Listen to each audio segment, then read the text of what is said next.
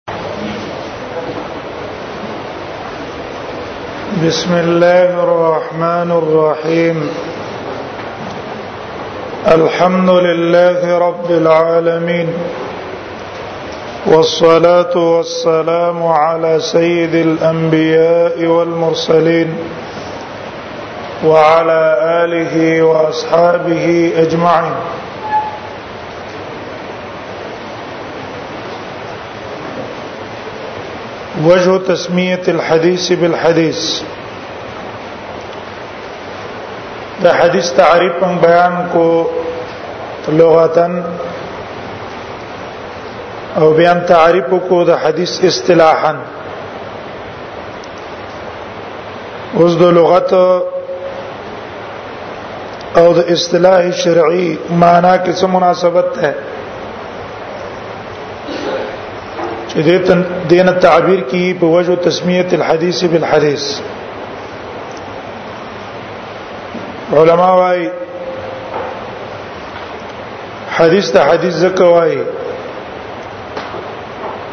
چې دا ماخوذ ده د حدثنا لکه پرون من ویل چې احادیث جمع د احدوثه ده احادیث ته اصل مفرد احدوثه ده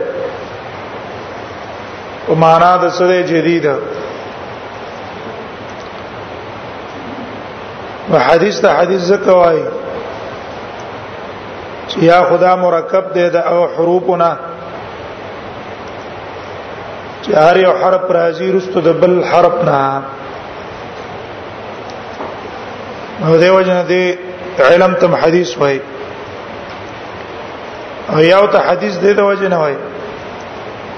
چې د دې د اورېدو د وجه نه انسان ته نوی معانی مطالب او احکام حاصلېږي نو دیو جن دې ته علم حدیث وایي سمانا معنا دا مقابل له قدیم علم حدیث ته حدیث زکه وایي چې دا مخکې نور ست راغله او یا دویم قول دا دی چې نه دا ماخوذه د تحدیث نه ته حدیث ویل کی اخبار تا اخبار نو رسول الله صلی الله علیه وسلم په دې احادیثو کې اخبار ورکړی د حکم او د شرع د الله نه دیو جن دې ته علم حدیث ویل کېږي دویمه خبره ده موضوع علم علم الحديث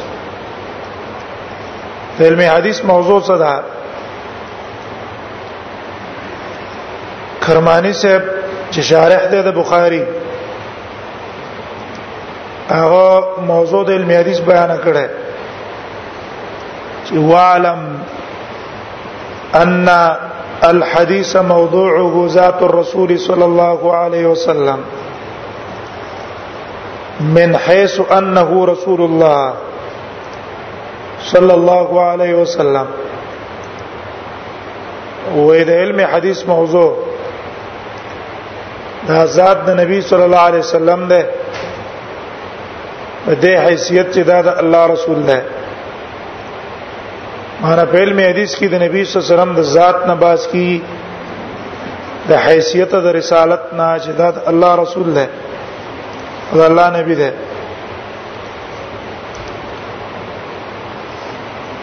بیا سیوتی سے برا لګیدل هغه د خپل استاد کاپیجی هغه یو اعتراض نقل کړی دی په دې موضوع د کرمانی صاحب باندې چې موضوع کرمانی صاحب چې دا کومه موضوع د علم حدیث بیان کړي وې دا موضوع ټیک نه ده په وجه دا ده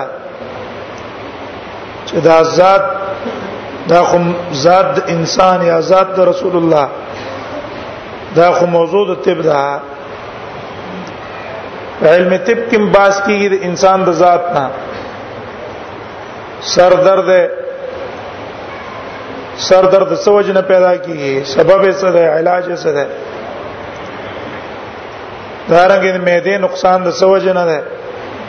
سترګو تکم امراض راځي هغه موضوع د علم طب ده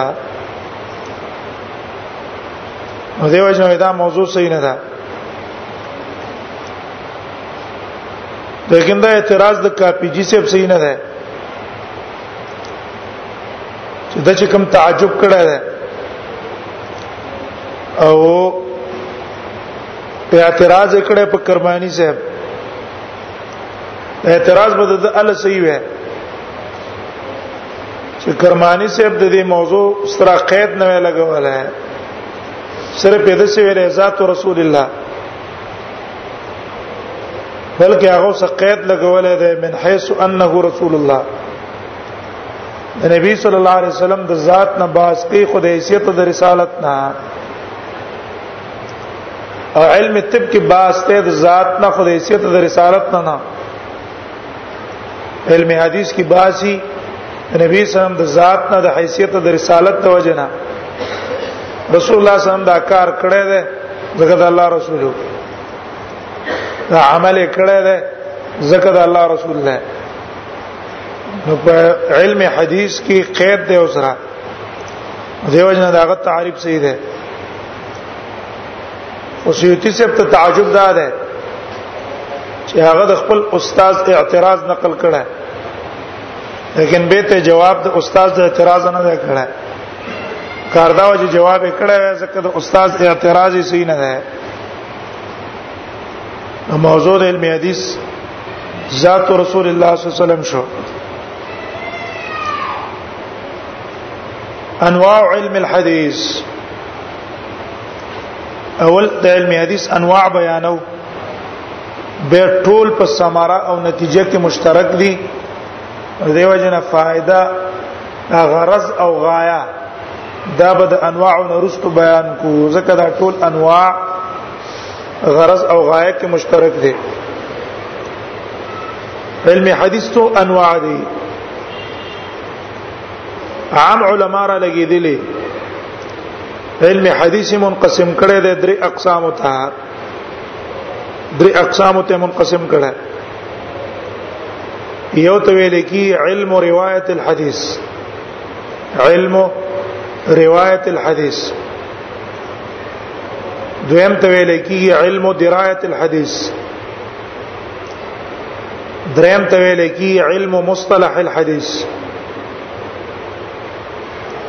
دا درې علوم دي علم الروايه علم الدرايه علم علم المصطلح ابن الاکفانی اگر لګیدل کتاب لیکل د ارشاد القاصد پاره کې د علم حدیث تقسیم سره دوه قسمونو ته کړه چې علم الروايه او علم الدرايه دا دو اقسام د حدیثي بیان کړي علم علم مصطلح الحديث اغه نه بیان کړه اولای نوع اغه ته لګيږي علم روایت الحديث دا غي تعریف څه ده او موضوع څه ده او غرض څه ده دا مخکې هم تعریف مطلق علم حدیث کو پرون چې موږ تعریف کړو دا تعریف د مطلق علم حدیث اوس دلته د هر یو نوع جدا جدا تعریف ده علم روایت الحديث تعریف ابن الاکبانی سے کړه ابن الاکبانی هغه تعریف کړه د علم روایت الحديث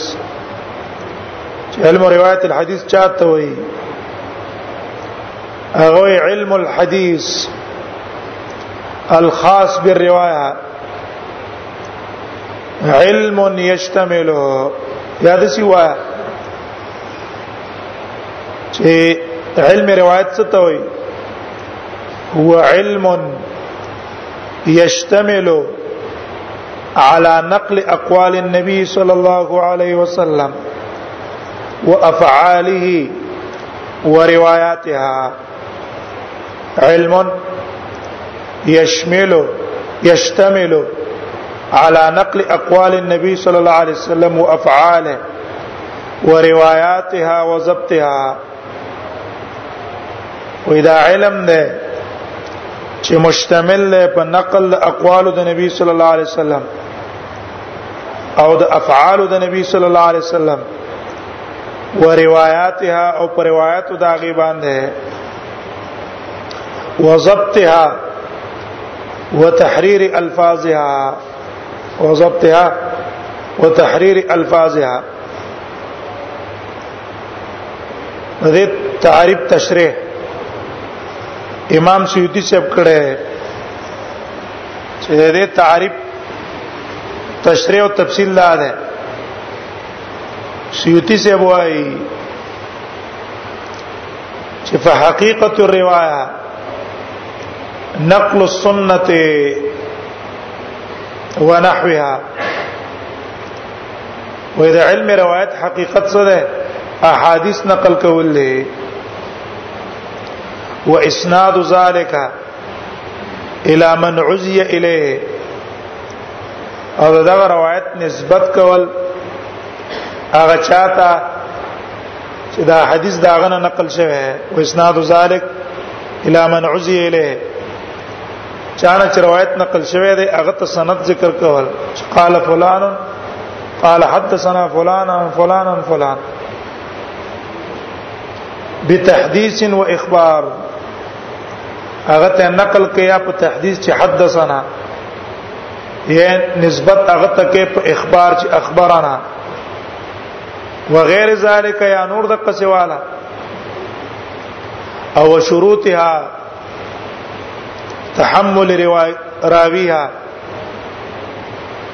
مانا پاغي کې چې د کم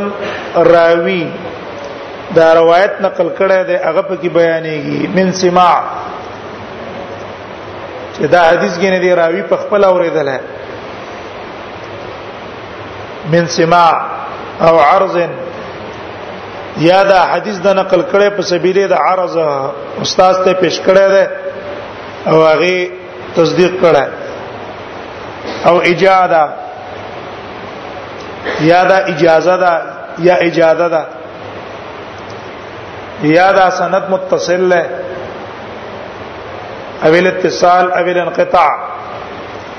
دا سند متصل له یا منقطع ده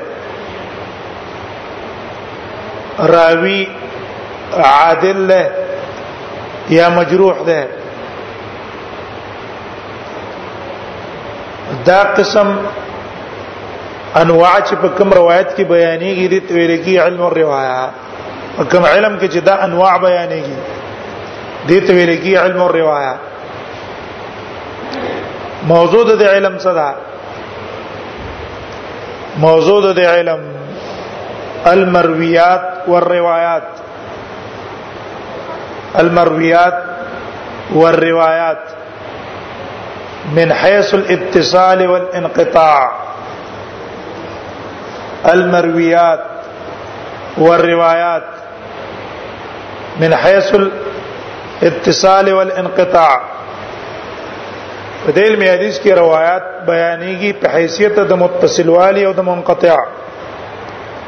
دا روایت متصل له سندن او دا روایت منقطع ده سندن بس دیل می حدیث غټ بس پس کې د اتصال او انقطاع نه دا متصل یا منقطع دویم قسم هغه علم علم الحديث بالدرايه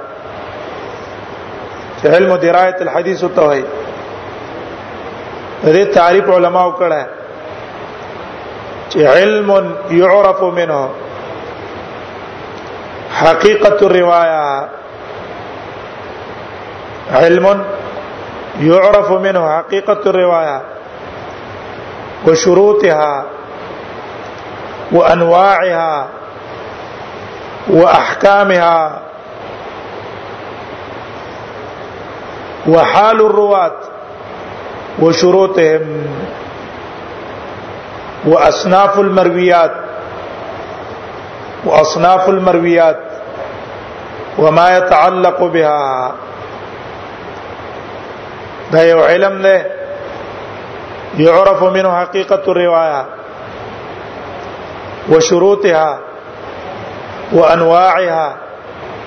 وحال الروات وشروطهم او اصناف المرويات وما يتعلق بها سمانا دې تعریف مقصد دا ده چې په علم او درایت الحديث کې چې باس کیږي په دې کې باس کیږي د حدیث نه آیا دا حدیث مشهور ده که خبر واحد ده بیا صحیح ده که ضعیف ده متصل ده که منقطع ده دارنګ استنباط د احکام د حدیث نه دې پلان کې حدیث نه دا د مسائل راوځي او دفع التعارض بین الحدیثین نو زین تاسو پرې وتا د علم الدرایت دا علم الروایت یو نوع ده د علم الدرايه ځکه علم الدرايه کې صرف باس ته اتصال او انقطاع نه ده او په علم الدرایت کې اتصال انقطاع خبر واحد شهرت مشهور متواتر او استنباط د احکام او دا ټول پکې دیو نه تقریبا د ازمن تاسو طرز څخه کم نه زمن تاسو طرز دا په علم الدرايه باندې بنا ده امنګ تاسو چې کم طرز باندې احادیث وایو دې بنا په صدا علم الدرايه ده مس احادیث نه استنباط د مسائلم کو احکام هم تر وباسو او په حدیث کې چې اتصال او انقطاع یې غم بیانو او که شهرت او ضعف پکې راغلي صحت غم پکې بیانو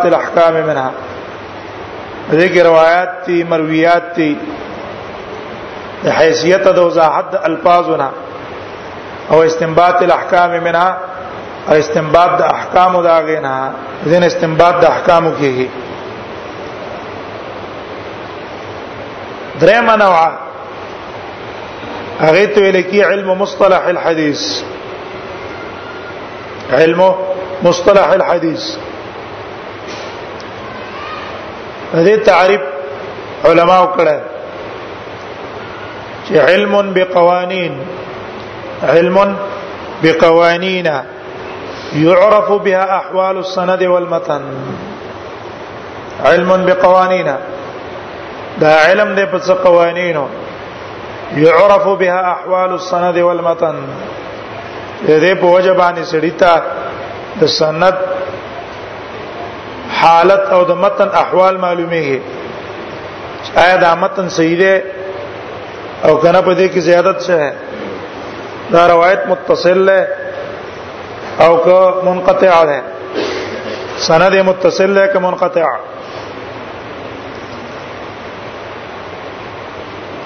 او دا سند چې ده سند چاته وي سند نو سند ویل کیږي الاخبار عن طريق المتن الاخبار عن طريق المتن د دې متن چې په کومه طریقه راغله دا غي طریقې بیانولو ته سند وایي مثلا دلته موږ ته حدیث نقل لای انما الاعمال بالنیات او زه دې انما الاعمال بالنیات سند چې موږ بیانو دا چا نقل کړه دا طریقې او سند بیانولو ته ویل کیږي سند او دا سند چې ده دا ماخوذ چا نه ده یا دا سند ویل کی مرتفع او علا من سفح الجنت من الجبل ماخوذ ده چا نه د سند نه ماخوذ ده سند ویل کی د غره اوچت چکی تا هو مرتفع وعلى من سفح الجبل جبل د غرم کم پاس سر ده هغه پاس چکی ته سند ویل کی چون کې په دې کې سند هغه اخر درجه ته رسیږي او یا ماخوذ ده د دیو جن او تسند وای چې دا سند بیانون کې يرفعه الى قائله نو وسراشه اې د دې اولنې لغې معنی والا دې معنی باندې سند ته سند ولې وای اې د سطح الجبل نه چې والي سطح الجبل نه دیو جن چې مسند پورته کوي خپل قائل ته او یا دا سند ماخوذ ده د دې قول نه چې فلانن سندن سند معنا سم معتمد وې دا پلان کې ما ته سند ته معنا ما ته معتمد ده نو دې سند ته سند بیا ځکه وای چې په دې باندې اصل کې اعتماد ده د حفاظو صحت الحديث او په ضعف کې د دې سند په وجه باندې محدثین حدیث ته صحیح وایي او د دې حدیث د ضعف د وجه نه محدثین حدیث ته ضعیف وایي یا خو ماخوذ ده چانه رفع الجبلنا سفح الجبلنا ما على وارتفع من سفح الجبل سند ته سند زکوي چې په دې پوجا باندې دا حدیث ال تخپل اصل قائل تر رسیدي او یاد اعتماد نه ماقوش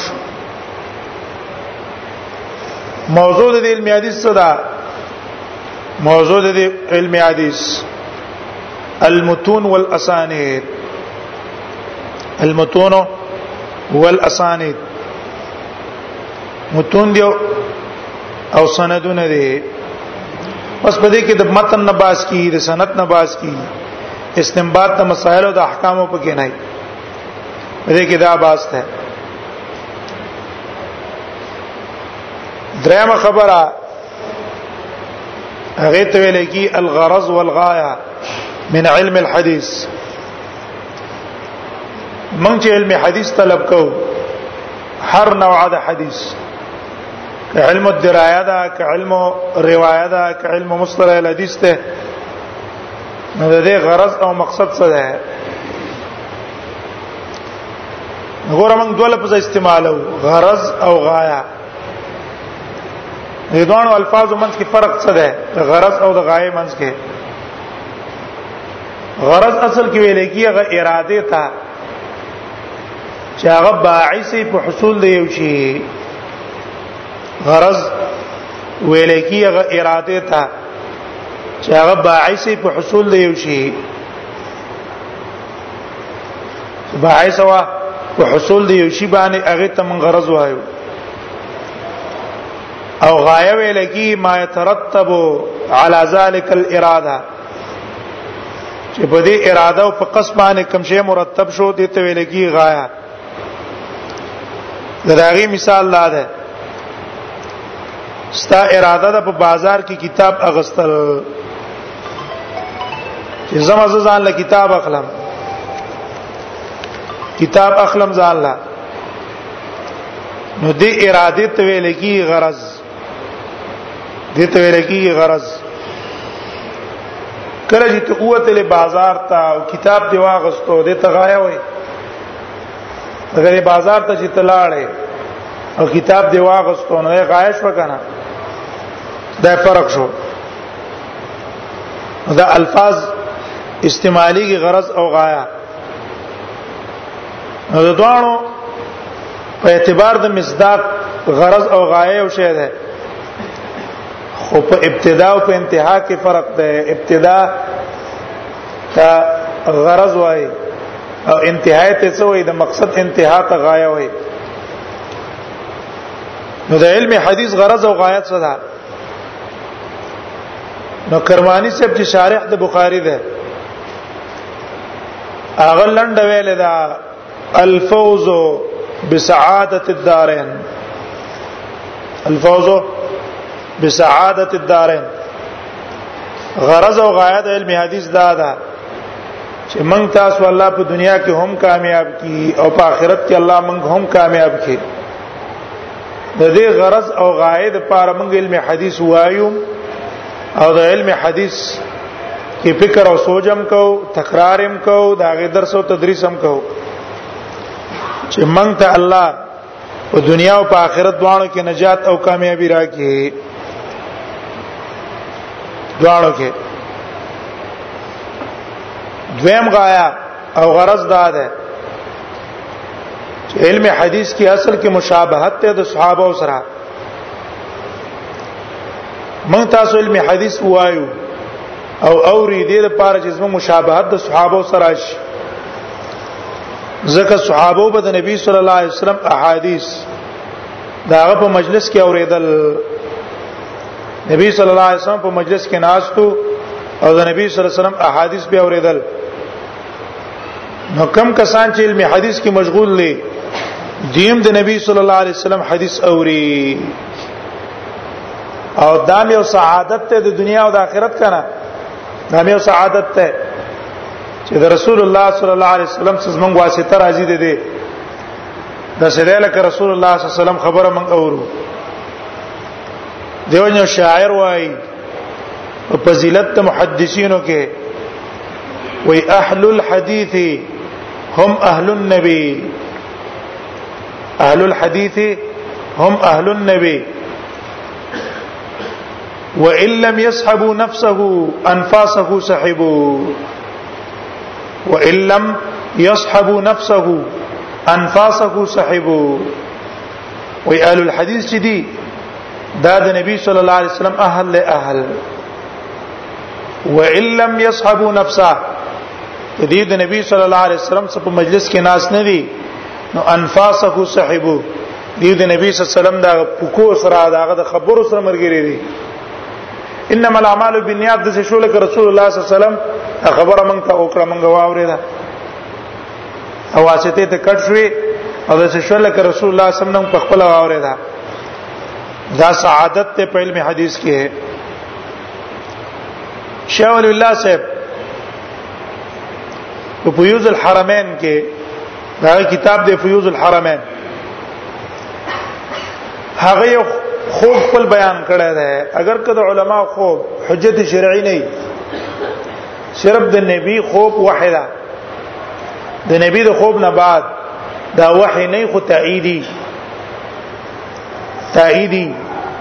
ولې حدیث کې دا راځي رسول الله صلی الله علیه وسلم فرمایي لم يبق من النبوه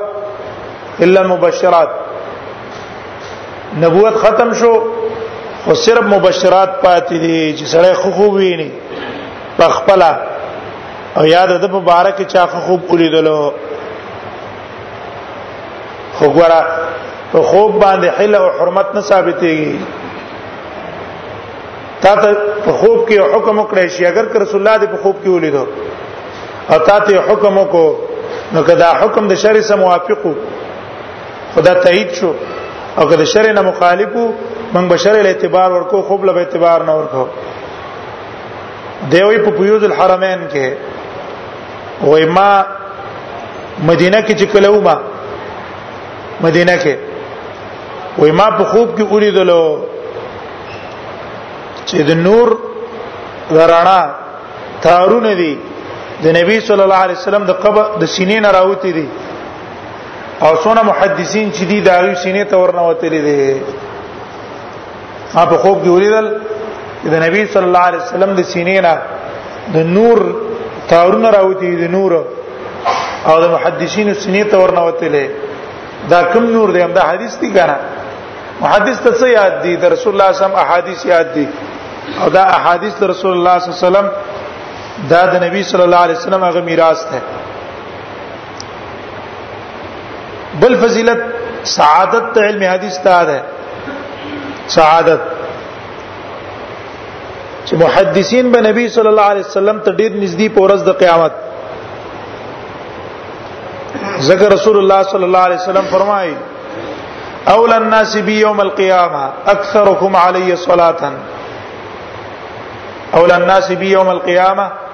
اکثرهم علی صلاه اخرجه الترمذی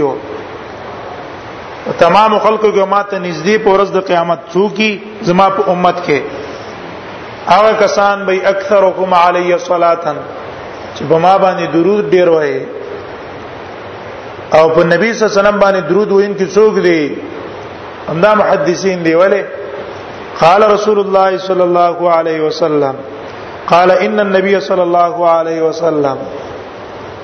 په دې مجلس کې په نبی صلی الله علیه وسلم نوم ذکر کیږي او د هغه څخه درود ذکر کیږي دا سبب ته د پاره د کثرت د درود او کثرت د درود سبب ته د پاره د قرب نبی صلی الله علیه وسلم ته پورز د قیامت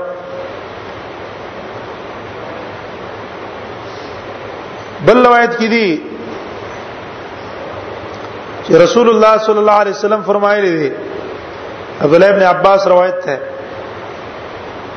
امام تبرانی راوړل چې نبی صلی الله علیه وسلم دعا وکړه اللهم ارحم خلفائي یا الله زما په خلفاو باندې ته رحم وکا زما په خلفاو باندې رحم وکا وی قلنا یا رسول الله ومن خلفاؤک منګو ته اې دا الله نبی ستا خلیفان کې نیمنګ نه ستا خلفا څوک دي نبی صلی الله علیه وسلم فرمایل الذين ياتون من بعدي الذين ياتون من بعدي يروون احاديثي وإذا هغه کسان دي زمانه برست راځي او زما احادیث بس ما امت ته نقل کړي او يعلمون ويعلمونها الناس او دا غي تعلیم به خلکو ته ورکړي علم حدیث طلب چې مونږ تاسو کو او د دې بیان هم خلکو ته کو به مونږ تاسو د نبی سم په دې دعا کې داخلي او مونږ ته به د نبی صلی الله علیه وسلم خلفا به ویل کی نبی سم خلفا بل فضیلت هغه دا ده سعادت دا ده چې نبی صلی الله علیه وسلم د کسانو ته دعا کړې ده دعا دعا حدیث ته د عبد الله ابن مسعود رضی الله عنه وی رسول الله صلی الله علیه وسلم فرمایلی دي نظر الله امرا سمع مقالتي فحفظها ووعاها واداها نظر الله امرا وی هغه سړی دی الله تر تازه کی سمع مقالتي جزما خبر واوري فحفظها او بیا زما دا خبره ازده کړه ازده کړه حفظها هغه ازده کړه واداها هغه به ادا کړه ووعاها واداها نظر الله په دې جمله کې دوه احتمال دي یو احتمال د انشاء په معنا د دعا تر تازه دي کې الله تعالی هغه سره زما احادیث اوري وځ د کوي او به خلکو ته بیان هي دا نبی صلی الله علیه وسلم دعا کړې دا طالب الحدیث تا محدث تا وذا تاسو ته پته دا چې رسول الله صلی الله علیه وسلم فرمایي وکل نبی یجاب هر نبی دعا الله قبلې هغه مسترد کیږي نه او دویم احتمال لا ده چې نظر الله امرا دا جمله خبریه ده جمله خبریه نبی صلی الله علیه وسلم خبر ورکړي چې کم کسان احادیث رسول الله صلی الله علیه وسلم از دکې دا سړی تر تازه ده تر تازه کړي دی الله تعالی هغه سره سمع مقالتي جزما خبره هغه اوري دیوژن محدثین وايي وې د رسول الله صلی الله دعا سیدا ولا ترى صاحب حديث الا وفي وجهه نظره وې د حدیث طالب او د حدیث بیانون کې هغه ته چې کلم ته ګوره دا هغه په مخ کې به تر تازگی محسوسه ہے مخ کې به نوري په مخ کې به خایستی مخ کې به وړولي یو نورانیت پیدا په مخ کې الا وفي وجهه نظره د وجه د دعا د نبی صلی الله علیه وسلم نه دا تعریف د علم حدیث دویمه خبره دا واوري چې علما بعض الفاظ استعمالي مترادف د علم حدیث را الفاظ مترادفه هغه استعمالي چې دا غي معنام سي دا غي معنام به هم د حدیث معنی تعریف پیدا دي سي ایت الفاظ مترادفه وي په دې الفاظ مترادفه کې یو لفظ دی د سنت سنت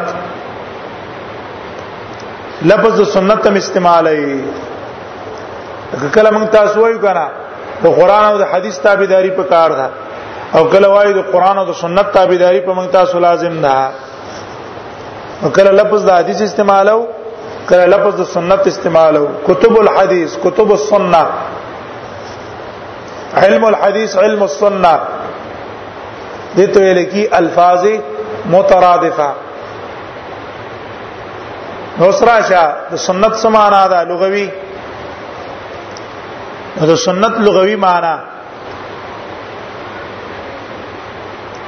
علماء کړه دا الطريقه والسيره سنت په لغت کې ویل کی طریقې او سیرت ته برابر خبره ده سواء كانت حميده او ذميمه برابر خبره کدا طریقه خوي او که غلطه خسته طریقې تم سنت وای غلطی طریقې تم سنت وای په معنا لغوي کې او د دې سنت جمع سنن راځي سنن دلیل په چې لغت کې ویل کی طریقې ته نو حدیث ته حدیثه چې رسول الله صلی الله علیه وسلم هر هغه طریقه که خیو که بدی هغه باندې نبی صلی الله علیه وسلم اطلاق کړی دی د سنت په معنا لغوي نبی صلی الله علیه وسلم فرمایلی دی من سن من سن فی الاسلام سنتا حسنتا فله اجرها واجر من عمل بها من بعده من سن فی الاسلام سنتا حسنه چا چې په اسلام کې یو خسته طریقه ایجاد کړه فله اجرها واجر من عمل بها من بعده د د تمام الله اجر ورکړي او که په دې طریقه باندې چې عمل کو دا هغه اجر به الله د تور کوي هغه له خپل ور کوي من غیر ان ينقص من اجورهم شيء دا عمل کوونکو په اجر او ثواب کې بل نقصان نه راوړي او چون کې ده بانی ده زه پاره به دې بنا د وجنه به الله اجر ور کوي او ومن سن فی الاسلام سنتا سیئه کان علیها وزرها و وزر من عمل بها من بعد او که چا په اسلام کې غلطه طریقه ایجاد کړه او په د باندې به داغه وبال می او دا هغه چا وبال بم پی چې پاغه باندې عمل کوي د نرستو من غیر ان ينقص من اوزارهم شی غیر د دینه چې د دیو د ګناهونه بس کمبوت ناراضي دای لغوي معنا ده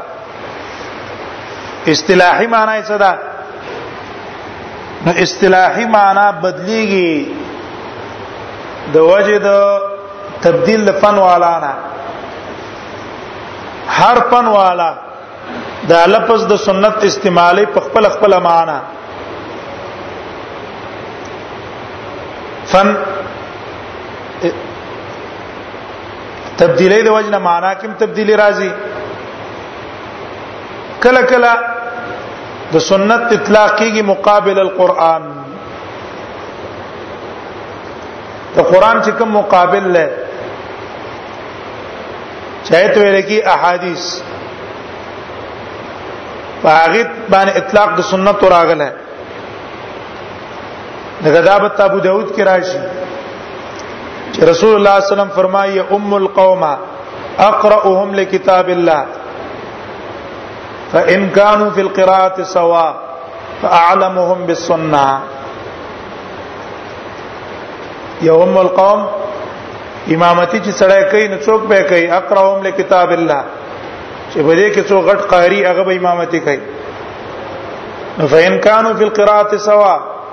هغه قرات کې ټول یو شانو فاعلمهم بالسنه چې به په سنت باندې څو خپويږي هغه به امامت کوي دلته اطلاق د سنت په چا باندې راغی مقابل قرآن دویم د سنت اطلاق کی مقابل د بدعت سنت چې کوم مقابل هغه ته بدعت وای او د بدعت په مقابل کې چې کوم شی هغه ته سنت وای لکه دا اصطلاح اهل سنت والجماعت استعماله کنا ودا پلان کې اهل سنت والجماعت ته چې د سنت څوک تابعي ایت اهل سنت وای او چې د سنت څوک مخالفي هغه ته مبتدعين وای اهل البدع دریم اطلاق کیږي عند المحدثين على ما اضيف الى النبي صلى الله عليه وسلم من قول او فعل او تقرير الخ کم تعریف اصطلاحي چې د حدیثو محدثین په نسبت باندې هم دقه تعریف ته سنت هم ده هغه هم ده دریم اتل... څلورم اطلاق د سنت ته په اصطلاح د فقهاو کې فقها چې وایي چې دا سنت ته التب سنت کومه معنی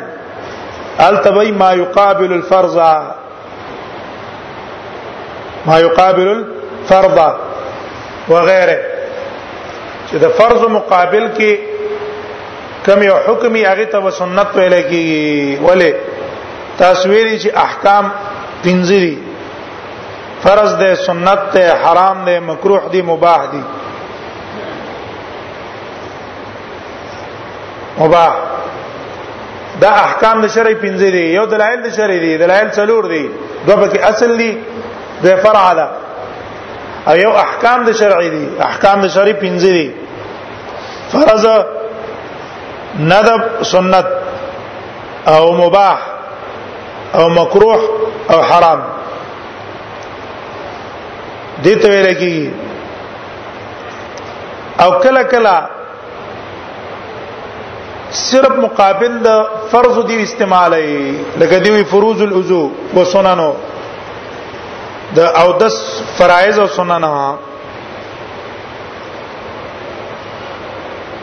بل اصطلاح د اصولین دا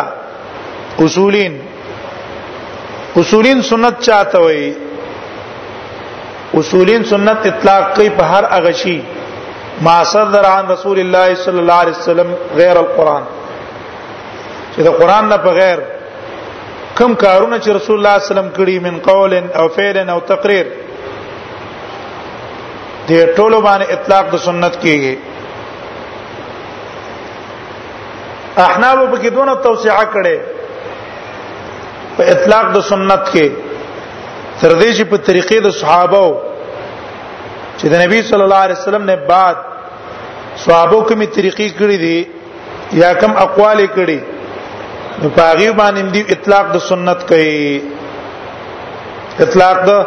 سنت کوي او دلیل نه ولا ده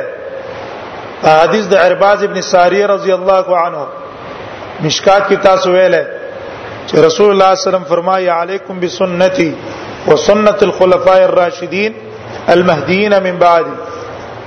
عضو علیها بالنواجز وګوره د خلفای راشدینو طریقې تم سنت ویل دا لفظ مترادف شو بل لفظ مترادف ته دی په مقابل کې راځي الاثر اثر نو اثر یو قول علماء دا ده چې اثر او حدیث دوه الفاظ مترادف دي هیڅ فرق پکې نشته فرق پکې نشته دویم قول مشهور محدثین ده مشهور قول د علماء په نس کې دا ده چې نه حدیث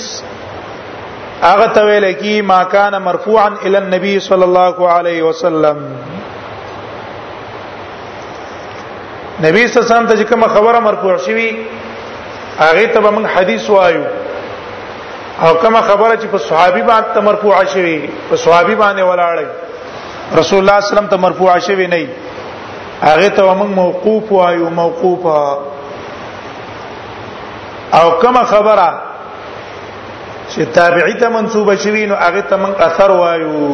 تابعی ته چې منسوبه وي هغه ته اثر ویل کی او رسول الله صلی الله علیه وسلم ته چې مرفوع وي هغه ته موقوف ویل کیږي دا فرقونه دي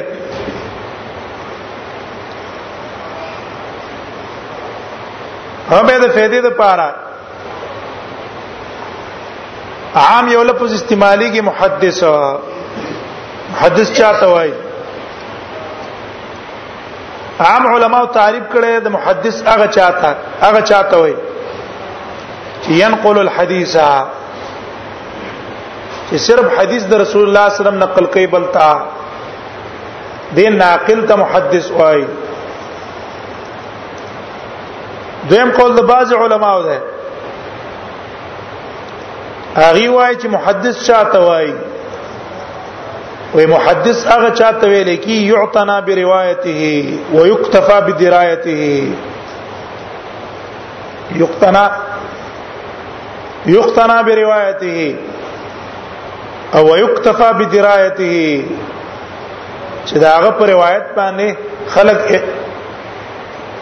دغه کې اعتبار کوي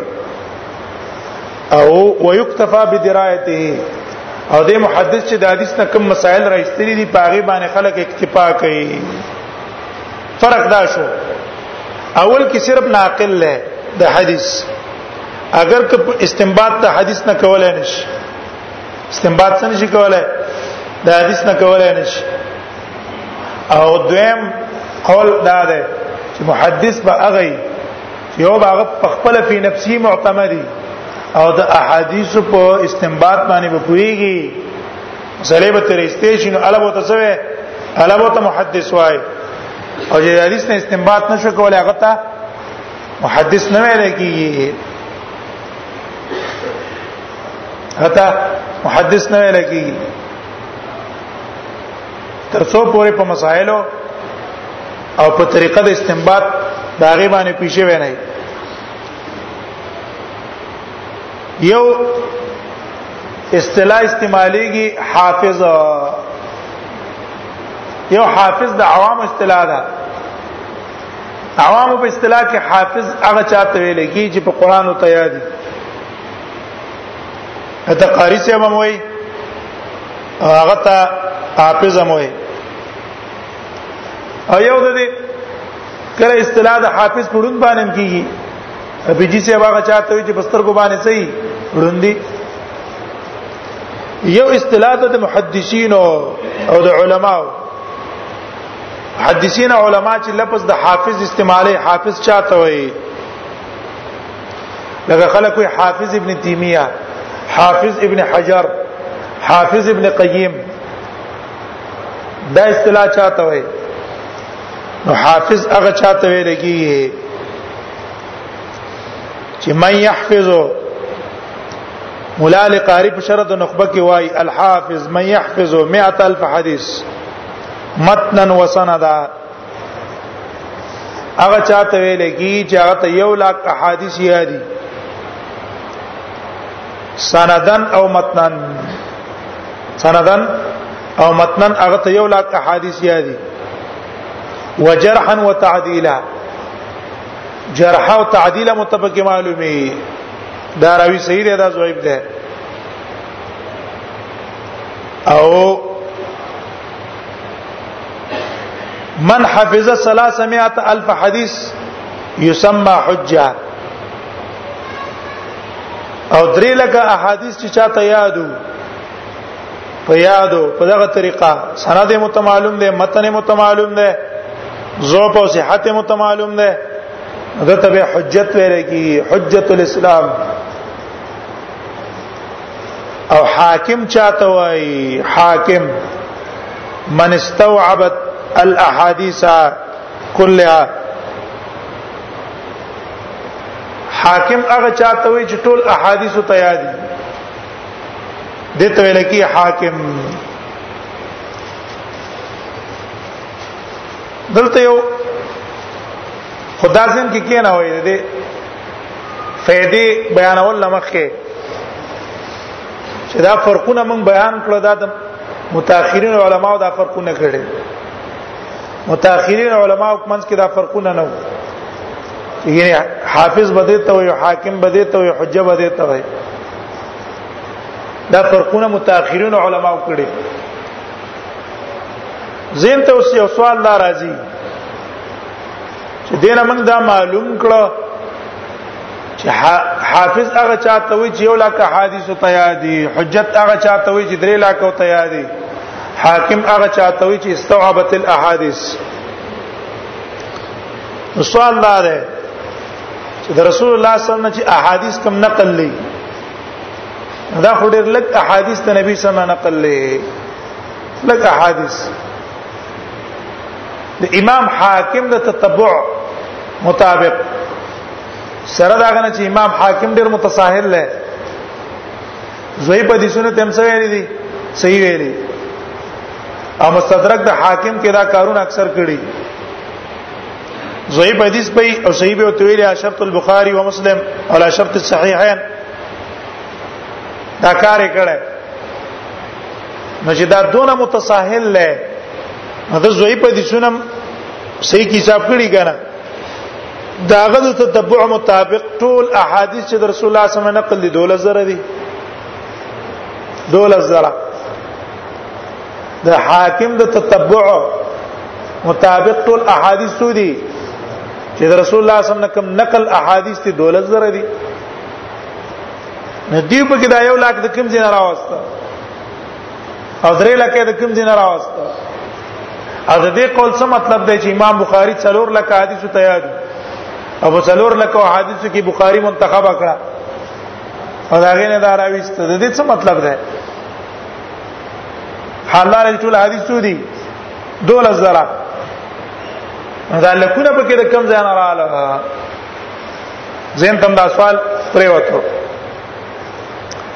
جواب د دې نه دا ده چې د محدثین علماو په نسبت باندې فتوی د راوی نه بهم تعبیر کو په حدیث یو مجتهد به فتوا ورکړی و هغه ته بهم څه ویلو ایته بهم حدیث ویلو قول د صحابي ته به حدیث ویلو قول د تابعی ته به حدیث ویلو تر دې چې یو حدیث په دو سندونو راغلی و دا دوه سندونه به مستقل مستقل حدیث حسابو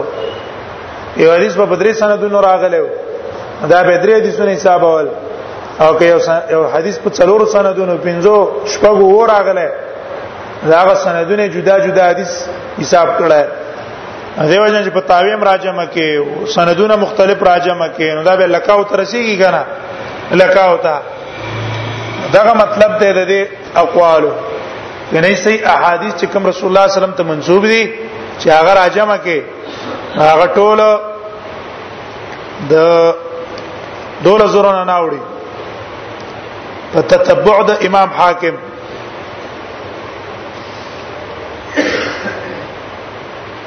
اوس تعریف د حدیث منګو کړو او الفاظ مترادفم دا غي سره بیان کړه دویمه خبره چې مخکې زو هغه دا ده چې علم حدیث نوع من الوحی دا د علم حدیث دا د وحی او نوع ده جبرئیل علیہ السلام با سرنګي چې قران نبی صلی الله علیه وسلم تراوړو په حکم د الله دغه سي احادیث مم جبرئیل علیہ السلام نبی صلی الله علیه وسلم تراوړو دلیل په دې خبره باندې چې علم حدیث نوع د وحی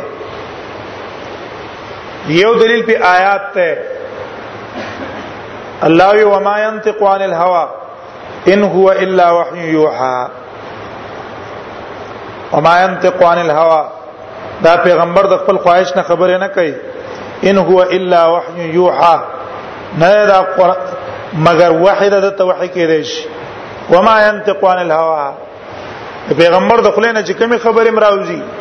دا په خواهش بنا نه دي دا په وحي بنا دي په وحي وحي دا دویم دلیل په حدیث ته د مقدام ابن معد کرب الکندی مقدام ابن معدی کرب الکندی رضی الله عنه هغه د نبی صلی الله علیه وسلم روایت نقل کړه وی رسول الله صلی الله علیه وسلم فرمایلی دی یوشکو یوشکو الرجل متکئا علی ریکته یحدث بحدیث من حدیثه وې نږدې د یو سړی وي په خپل پالنګ باندې به تکیا والی او هغه ته بزما د حدیث نه یو حدیث بیان شي ده بسوي فیقول بیننا وبینکم کتاب الله عز وجل زمنګ استاد په منځ کې فیصله کوونکې صرف د الله کتاب ده احادیث ته ضرورت نشته بس قران زمنګ د پاره کافی ده فما وجدنا فيه من حلال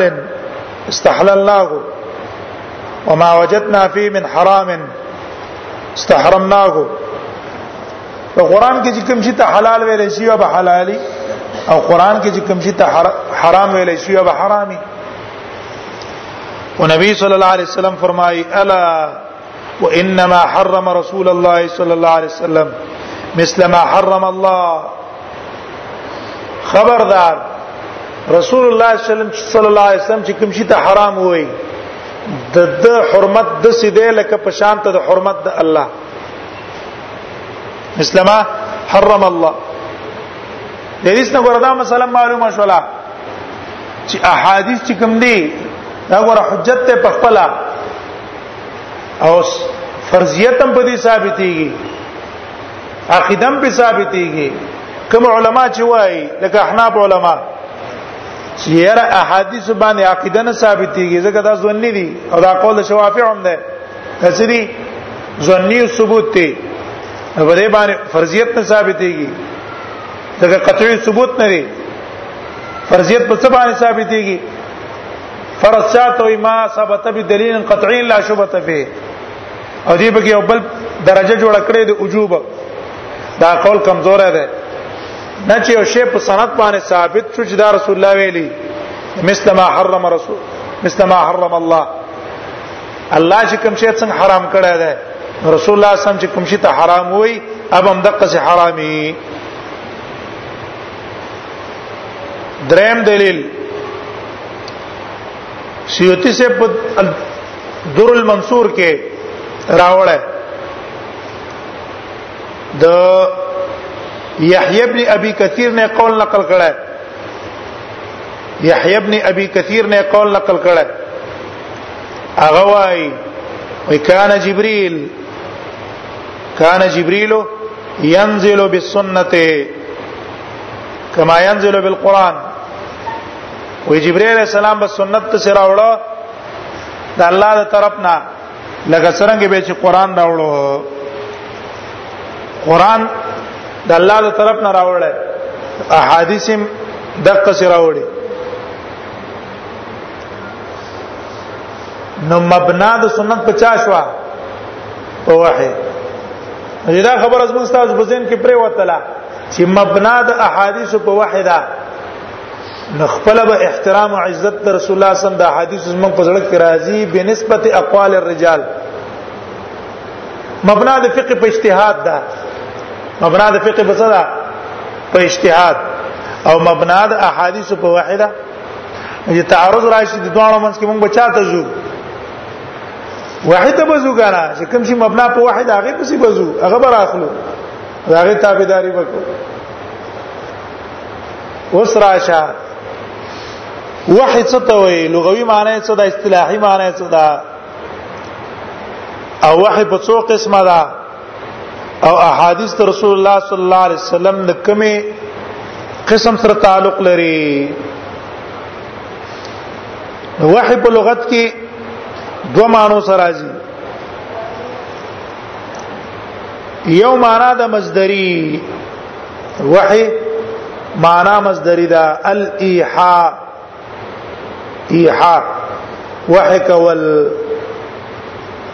سمانا وحک ول اې دې کیفیت ته وحی نه ده کیفیت مثلا جبرئیل السلام راغله په شکل د سړی او خبره او ته خودلې په خوب کې نبی صلی الله علیه وسلم ته خودلې په زړه کې او تور چولې دې کیفیتونو ته معنا مصدری وایي الیحا اوس په شی په معنا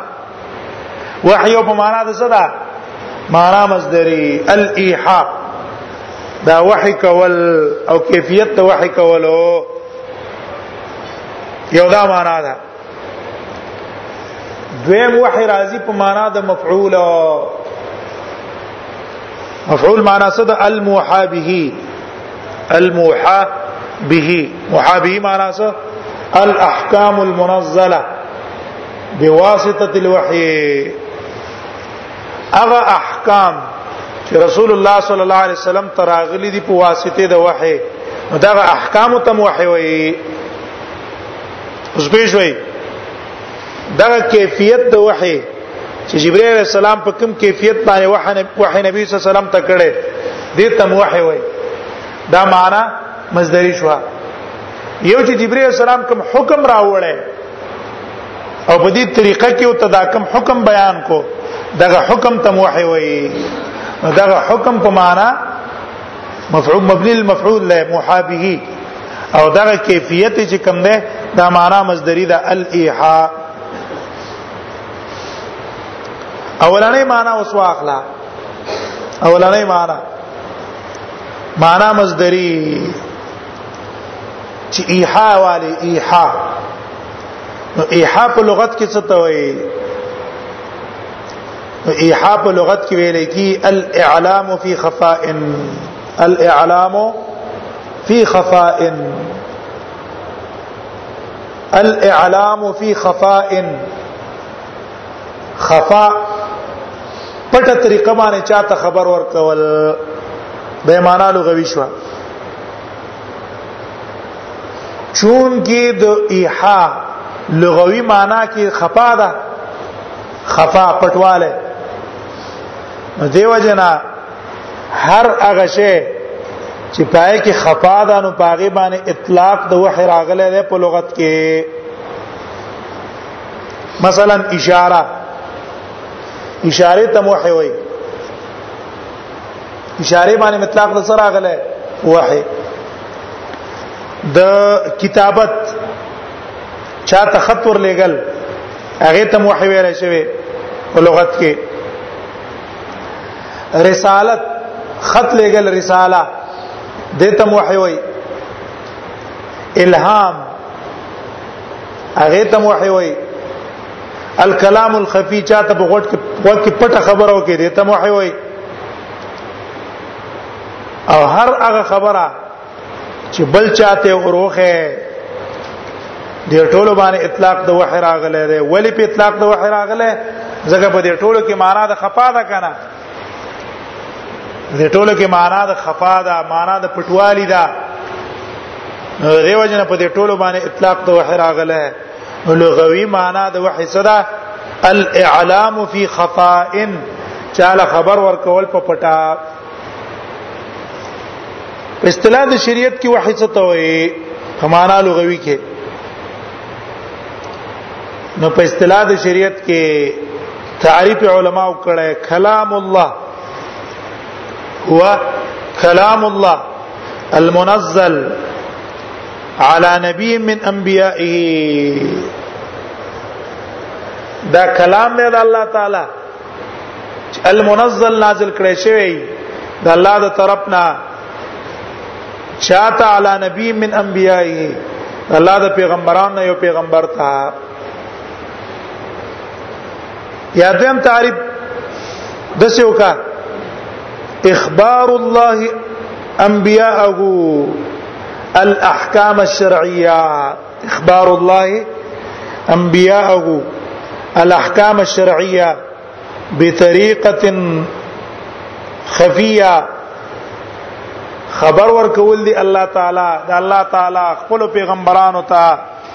په احکام شرعیه او په طریقه خفیه دا خبر چې ولور کینو په پټه طریقه باندې ولور کی به طریقه خفیه په یو طریقه ول خبر ورکی چې طریقه څه ده هغه پټه ده پټه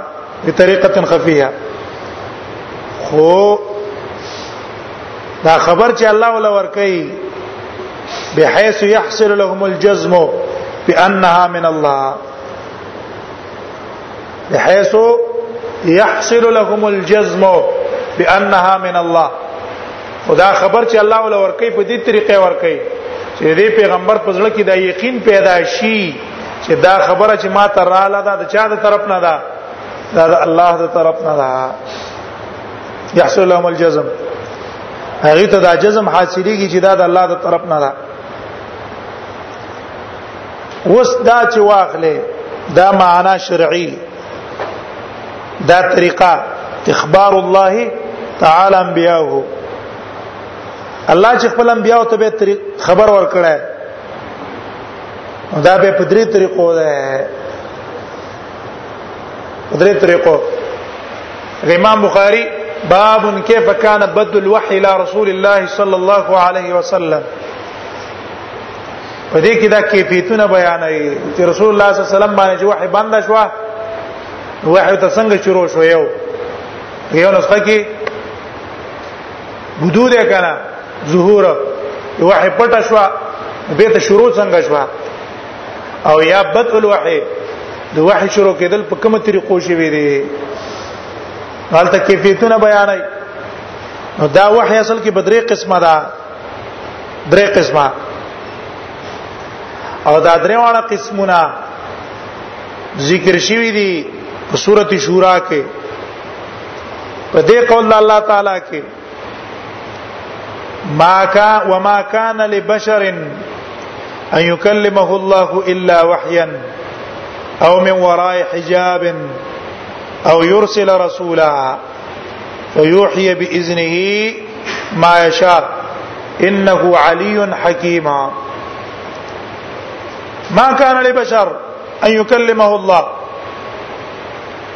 نشي کېدای د یو انسان د پاره چې د الله سره خبرې وکړي مګر په دې درې طریقو الا وحیا یا د وحی په ذریعہ او من وراء حجاب یا د پردې نه اخو الله سره خبرې وکړي او یرسل رسولا یا د خپل طرف نه الله رسول راغليږي هغه ته فیوحی باذنه ما یشاء دا الله په حکم باندې هغه ته چې کوم وحي غواړي هغه ته وکي درې کیفیت الا وحیا دویم کیفیت او می ورای حجاب دریم کیفیت ته او یرسل رسولا رسول تراولېږي اول الا وحیا د دې موږ تاسو تعبیر کو په الهام دیم تعبیر ته څه کو الهام وحی څه ده هغه دا ده چې الله د نبی په زړه کې خبره واچي د نبی په زړه کې الله خبره واچي او یقیني دا راشي دا خبره د الله د طرف نه ده دین تعبیر په قران کې په وحی شوه کله دا زړه کې خبره چول په حالت د ایخی نبی سلام یې خناستی او الله ته پزړه کې یو خبر اور واچ او یا په حالت ته خوب کې خوب او د خوب په حالت کې الله ته خبره پزړه کې اور واچي او بیا نبی سلام را اولګي داغه بیان او کې دام یو وحش وا الهام د نبی هغه نه تعبیر په څه باندې کیږي الا وحیا وحی څه شو الهام واسطه به کنه شته کنه دار کې الله تعالی د نبی په ځړه کې واچي اما فی الیقظه و اما فی النوم یا په حالت یقظت کې یا په حالت خوب کې دویم کیفیت ته او من وراء حجاب او من وراء حجاب د دې نبی او د الله په منځ کې پرده ای خدا نبی د الله خبري اوري نبی الله خبري اوري چې ما سره الله خبري کوي او د الله خبره واوري والله ني ني دا قسم وحی موسی علی السلام د پاره واقع شوی د بنص القرآن بنص القرآن دا قسم وحی موسی علی السلام د پاره واقع شوی د بنص القرآن نص د قرآن او د نبی صلی الله علیه وسلم د پاره واقع شوی دا ليله المعراج معراج په شپه باندې ځکه الله سره خبرې کړې وې کنه چې ما پنځه منځونه په تا پرس کړو او زلا يبدل القول لدي دا قول باندې بدلېږي الله سره خبرې کړې وې ولیدل الله نه ده الله خبرې ورېدلې دي دیو جن رسول الله صلی الله علیه وسلم کلیم الله هم ده موسی علیہ السلام کلیم الله ده او نبی صلی الله علیه وسلم کلیم الله ده او دا قسم وحی آدم علیہ السلام د پارم شوی دا د وجه د حدیث نه رسول الله صلی الله علیه وسلم ته پوښتنه کړې شو چې اې د الله نبی آدم علیہ السلام نبی او کنو نبی سمل او نبی مکلم دا د الله د طرف نه نبی او مکلم الله سره خبرې هم کړې وي نبی مکلم نبی الله د سره خبرې کړې وي نبی مکلم دریم قسم او یرسل رسولا الله غت رسول راولېږي جبريل ته راولېږي دا رسول څوک دی جبريل دغه دا جبريل په وحي باندې مقرر دی تمام انبیاء او توحید جبرئیل علیہ السلام راوړل دا جبرئیل علیہ السلام تراولېږي او دې نبی ته خبر ورکي بیا جبرئیل علیہ السلام چې راغله ده جبرئیل یا په خوب کې وتراشي په خوب کې ویني او یا خپ ایغه باندې جبريل ویني رسول تراش بیا دا نوع چې کومه ده او يرسل رسولا نو دا په خپل بیا مختلفو صورتونه دي دي یو صورت بداو چې جبرئیل علیہ السلام نبی سلام لیدل دی په هغه شکل چې کوم شکل الله جبرئیل علیہ السلام ته ورکړو کوم شکل چې الله جبرئیل علیہ السلام ته ورکړو چې شپږ سو وزر ول ورکړي او دو وزر چې وګړي د اسمان او د زمکه منځ کې خلا پټای په دغه شکل باندې جبريل لیدل لکه نبی صلی الله علیه وسلم جبريل اسلام په خپل شکل باندې دوزل لیدل دوزل روایت د عائشه رضی الله عنها ده ولکنه را جبريل چا ته تاسو کړلو چې لقد را من آیت ربی الکبرى آیا نبی صلی الله علیه وسلم په ليله المعراج کې د الله سره ملاقات شوه ده کنه ده شوه ده اختلافي مسله د صحابه په منځ کې د عائشه رضی الله عنها د عبد الله بن مسعود را یاد او چې نه دی لیدل عبد الله بن عباس نه یو قول نقل له درویت بل دا چې نه ده جبريل عائشه ته چا ویل عائشه رضی الله عنها ویل ولکنه را جبريل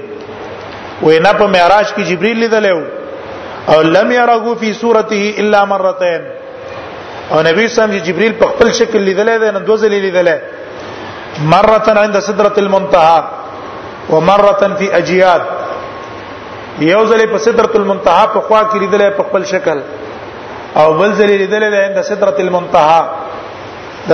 اجیاد محله کې مکه نه بار محله جیاد ته وي په دې ځای کې په خپل شکل لیدل ہے دویمه طریقه بداوا چې دا جبرئیل علیہ السلام براغه نبی صلی الله علیه وسلم ته به شکل دی انسان جوړ کو فتمثل له فتمثل له رجلا شکل سړي به جوړ کو را بغه نبی صلی الله علیه وسلم سبکیناستو نبی سم نه وته پوښتنه وکړه یا به نبی سم ته وحی وکړه بیان مې وته وکړو په دې حالت کې به صحابه مولیدو صحابه مولیدو هغه مشهور حدیث ته مشکات کې تاسو ویلي ایمان او د اسلام او اخبرني عن الايمان او اخبرني عن الاسلام او اخبرني عن الاحسان جبريل لاغره ده په شکل د شاب شدید بیاض الثياب شدید سواد الشعر ما يعرف من احد راغه نبی صلی الله علیه وسلم تکې ناس لاړو نبی صلی الله علیه وسلم صحابو ته تاسو ته پته ولګی دا څوک ورشه دا سړی وګورئ اول کې نبی صلی الله علیه وسلم ته پته نه و ورشه وی ګورئ چې لاړ نو دل تاسو ته پته و دا څوک وی دا جبرئیل او راغله تاسو ته يعلمکم يعلمکم دینکم يعلمکم دینکم تاسو ته تاسو دین در خودلو او کله په شکل د اکثر په شکل د دحیه الکلبی راتلو د دحیه الکلبی ډیر ډولی صحابي او جبرئیل علیہ السلام په ډولی شکل ځان له جوړ کو نبی صلی الله علیه وسلم ته خبره وکړله دا دویمه طریقه د وحی وه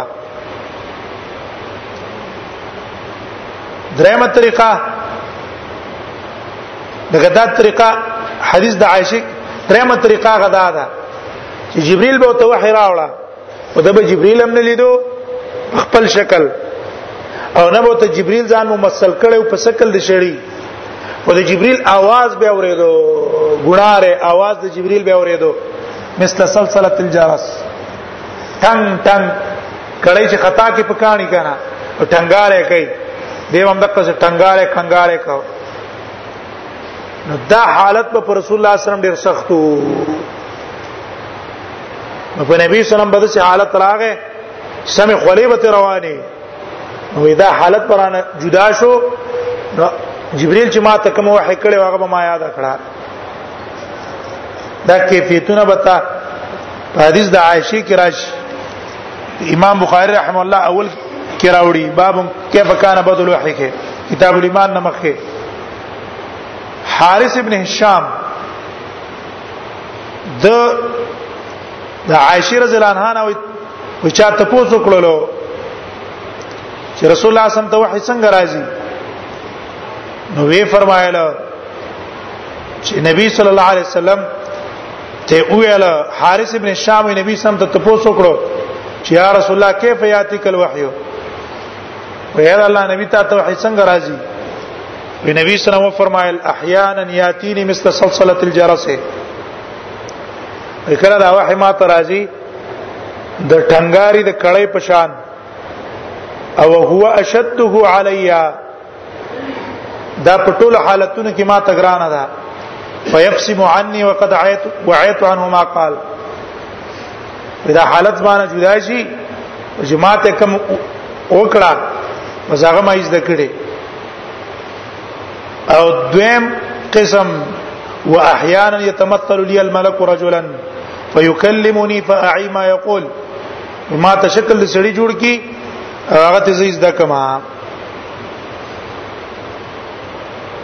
دا کیفیتونه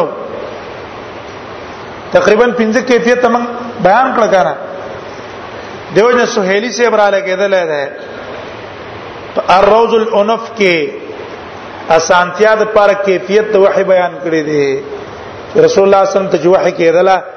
دا غي کیفیتونه څو یو کیفیت هغه داو چې نبی صلی الله علیه وسلم با خوب کې او توحی وشوا خوب کې الرؤيا الصادقه لکه حدیث د عائشه رضی الله عنها راځي اول ما بودی به رسول الله صلی الله علیه وسلم الوحی الرؤيا الصادقه رښتونی رښتونی خوبونه به نبی سم لیدل دا ولنې حالت ته او د انبیاء خوب وحی ابراهيم عليه السلام خپل جی ته ویلو اني ارى في المنام اني اذبحك فانظر ماذا ترى وحي د نبی خوب وحي دویم صورت هغه ده دویم صورت اغه نفس ته فر روع چې زړه کې ته خبره واچولې شي اگر هغه د پاره مثال نبی سلام بیان کړه و ان روح القدس نفس في روعي ان نفسا لن تموت حتى تستكمل رزقها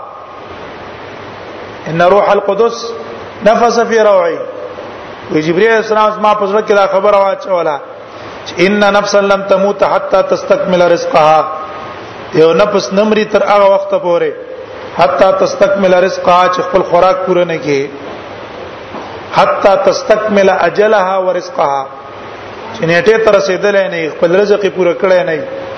فتقوا الله واجملوا في الطلب الله نه ویریږي او خسته طلب ته هغه کوي دارنګ مجاهد او اکثر مفسرینو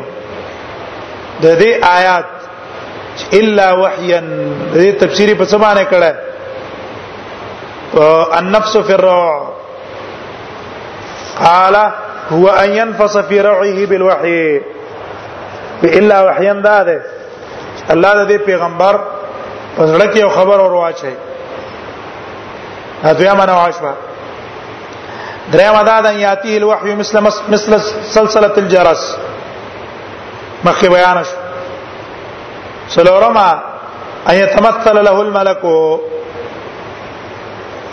جبريل ته شکل جوړ کی کله په خپل شکل کله په شکل د سړی دمه کې موږ دا بیان کړه بلا طریقه هغه دا ده چې رسول الله صلی الله علیه وسلم ته په ليله المعراج کې وحی شوی و د پنځو منځونو پنځو منځونو او د پنځو منځونو سره اخر د خواتم سوره البقره اخر د خواتم د سوره بقره هغه تور کړی شو او فرضیت د مونږ په وکړی شو دا موحوا وم قسم وحی غدا ده چې الله تعالی ویني الله پاک ویني نو آیا دا قسم وحی شته ده کنه د اختلافي دا اختلاف بنا ده پس پرویت نبی صلی الله علیه وسلم چې آیا نبی صلی الله علیه وسلم الله لیدل ده کنه دی لیدل ده کوم علما چې وایي چې الله لیدل ده ليله المعراج هغه دا قسم وحی دا کیفیت د وحی ثابتې او قائل دي دي او کوم علما چې وایي چې نه د جبرئیل علیہ السلام لیدل دی او الله په خپل نه دی لیدل الله نه دی لیدل جبرئیل لیدل دی به د کیفیت نه ثابت دی د دې کیفیت به قائل نه دی داو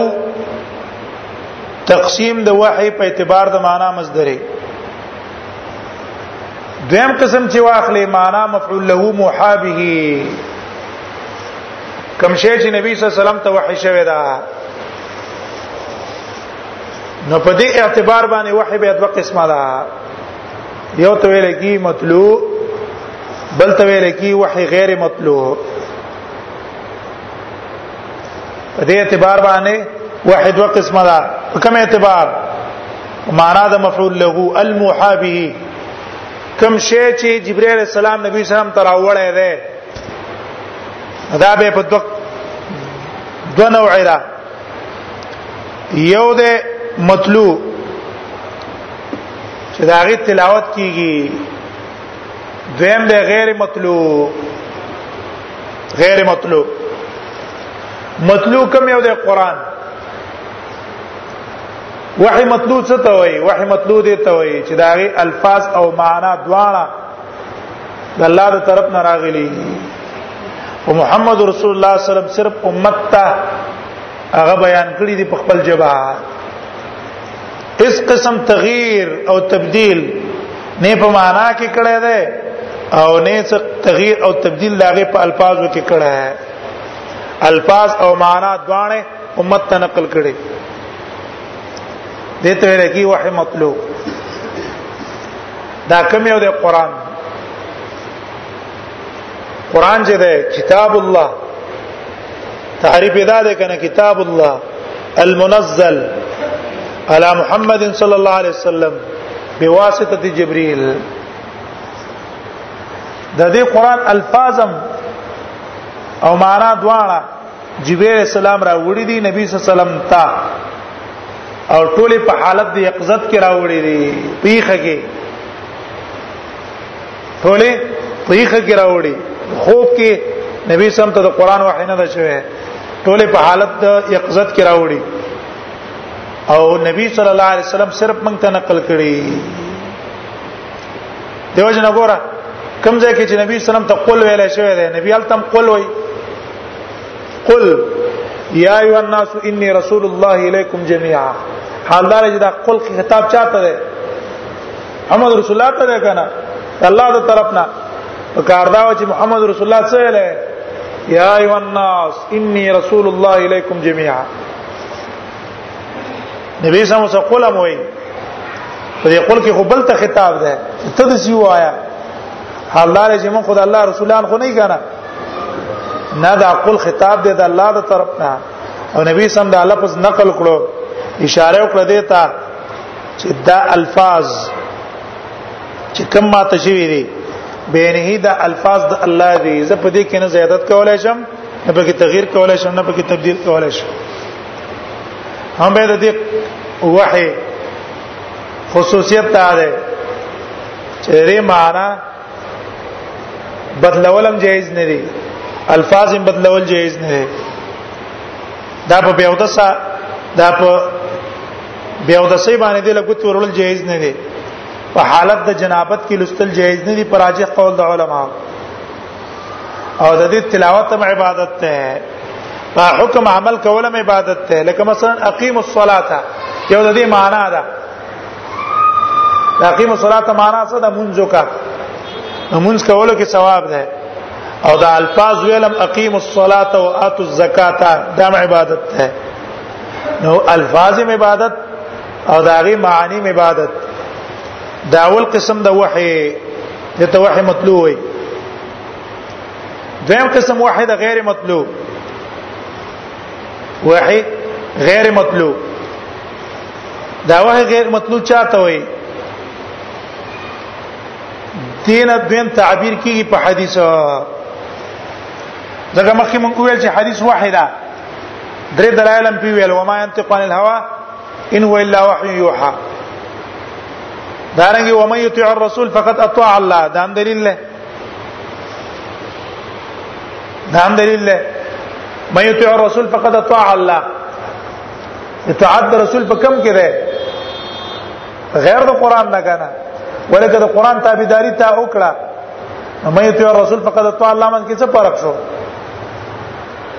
قران خاصم د الله طاعت ته مې ته رسول معنا دا ده چې د رسول تابعداري دی او کړه په هغه امور کې چې کوم په قران کې نه دي ذکر شوی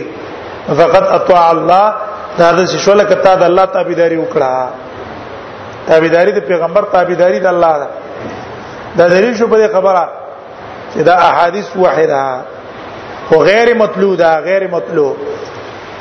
غیر مطلوع څه معنا د دې الفاظ لستلو کې ثواب نشتا ګوره الف لام میم باندې درش نه کېنه ملاويږي کنه انما الاعمال بالنیات په دې الفاظو کې ثواب نشتا دا چې د خلکو طریقې جوړې کړې دي دیوبندیانو چې چې مصیبت راشي ولکه د بخاری ختمه کوي هغه بدعت ځان نه جوړ کړي ټول غندونه ټول غندونه او بدعات دا څنګه پیدا کیږي هم د دې مشران نه پیدا کیږي بس علماو د سکړي او مشرانو د سکړي دي ټول غند دغه ځنه پیدا کیږي نو دیو ختمونه د څه کوي ختمونه د بخاری کوي موږ د قران ختم نشتا رسول الله صلی الله علیه وسلم دا طریقه نقل نه د بدعت ته دی په کله بخاری په کې رومانډلا بخاری په ګیرو منډلا کله چې دی باندې مصیبت راشي دی باندېانو طریقه صحیح دی باندېانو طریقه دای چې د بخاری ختم کړي بس لفظي د قصې زر زر وای د بخاری ختم کوي د مصیبت ختميږي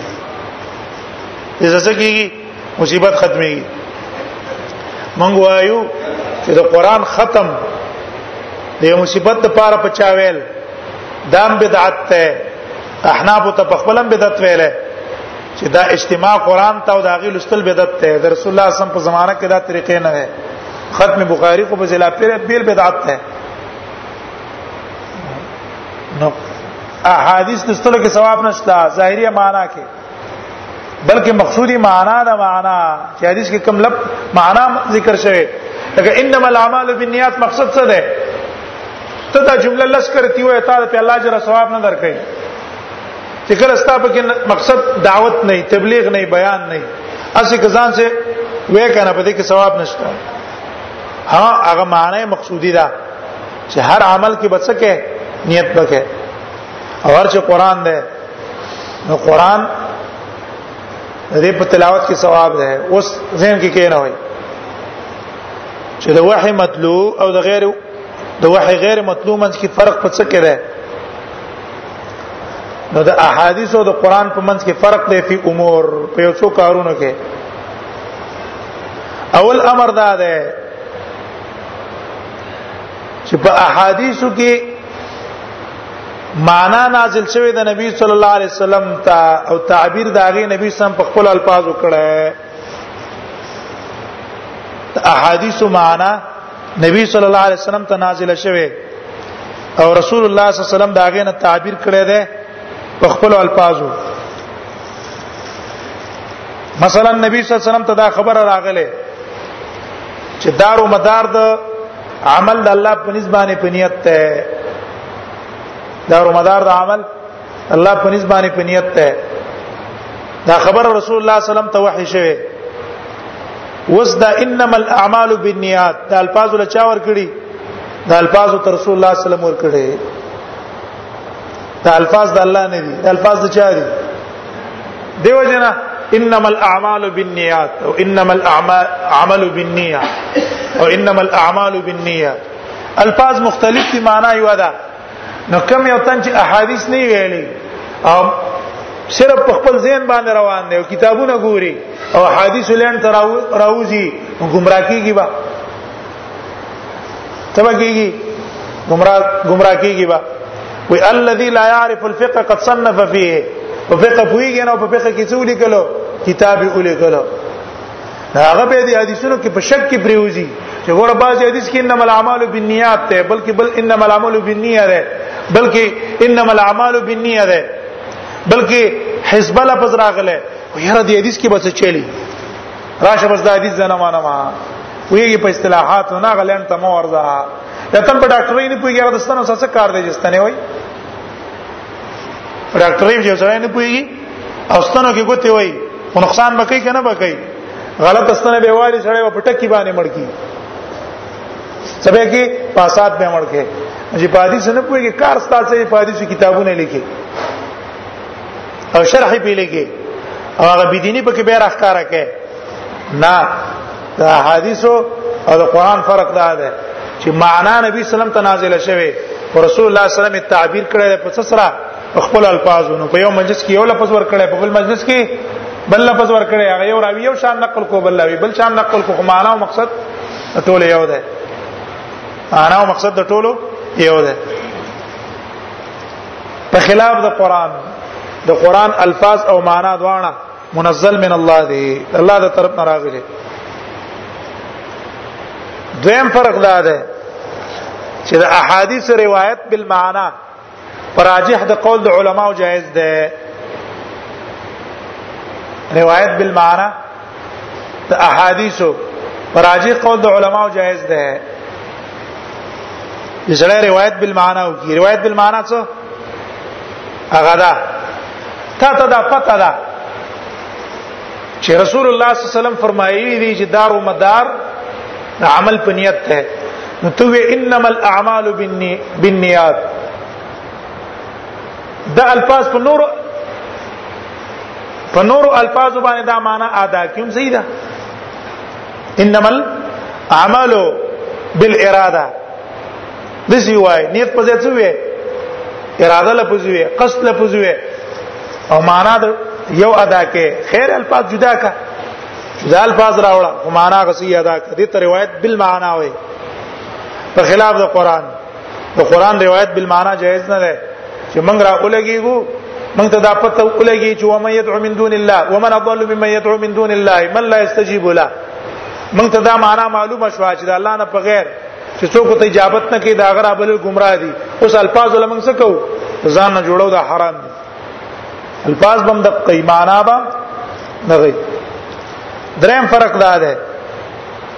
چې الفاظ د احادیث غیر معجز دي الفاظ د احادیث غیر غیر معجز دي معجز نه دي او ولا يتعبد بتلاوته همدارنګه د قران دا الفاظ د احادیث لستل عبادت نه ده ولا يتعبد بتلاوته دا غیت الفاظ تلولي د عبادت نه ده خلاف د قران د قران الفاظ معجز دي دا هیڅ څوک مقابله نشي کولای د احادیث د الفاظو ته جوړولای شي کنه انما الاعمال بالنیات پرنګ الفاظ څه کولای شي جوړولای شي لیکن د قران الفاظ نشي جوړولای او څوک مقابله دا غي نشي کولای بلدار چې د قران الفاظ لستلو کې عبادت ته احادیث په لستلو کې عبادت نشته څلورم فرق دا دی چې احادیث په نبی صلی الله علیه وسلم نازل شوی دي په مختلفو احوالو په مختلفو احوالو الیقظه والنوم کله نبی صلی الله علیه وسلم اخته کله اوده وحی ته شوی مره بواسطه الملک کله واسطه به جبريل له کله په غیر د واسطه نه مالک پکې سره شته دی نه په خلاف د قران قران چې کوم دی خلاف د قران قران ټول نبی سلام ته په حالت یقظت کې راغله ده نبی سم اخ ده او په واسطه د جبريل باندې تر راغله په واسطه د جبريل دا فرقونه شو اوس دلته یو اعتراض ده اعتراض دا ده چې موږ دې دې پورې ثابت کړي چې رسول الله صلی الله علیه وسلم احادیث واحده کم خبره چې نبی صلی الله علیه وسلم کړی دا ټول مبنای په څه ده په واحده سوال لا ده چې ګوره د علماو قول دا دی چې رسول الله صلی الله علیه وسلم د پاره اجتهاد جایز وو نبی سم ته یو خبر رااله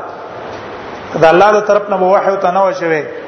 نو رسول الله صلی الله علیه وسلم په کې اجتهاد وکړو او به په خپل اجتهاد باندې فیصله وکړه خاصتا فی امور الحرب او خاص کر چې نبی سم کوم کارونه په جنگ کې کړی دي دا اکثر بنا په زبانه په اجتهاد باندې بناو په اجتهاد او موږ ویل چې هر عمل د رسول الله صلی الله علیه وسلم او هر قول د رسول الله صلی الله علیه وسلم دا څه شو دا وحی شو او په ډېر استعدادونو کې رسول الله صلی الله علیه وسلم څه شوی دی خطا شوی هم دی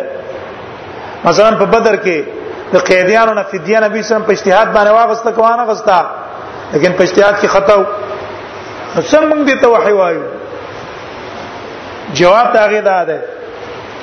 چې ټیک ته موږ ته وحی وایو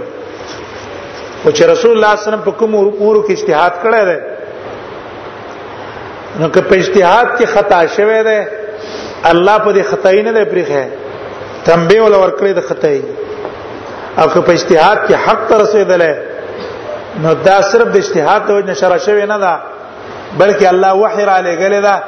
د پاره د تایید د اجتهاد د نبی تا چې دا کوم اجتهاد کړی دا ستا اجتهاد حق ده نو رستو چې موږ دې تشرع وایو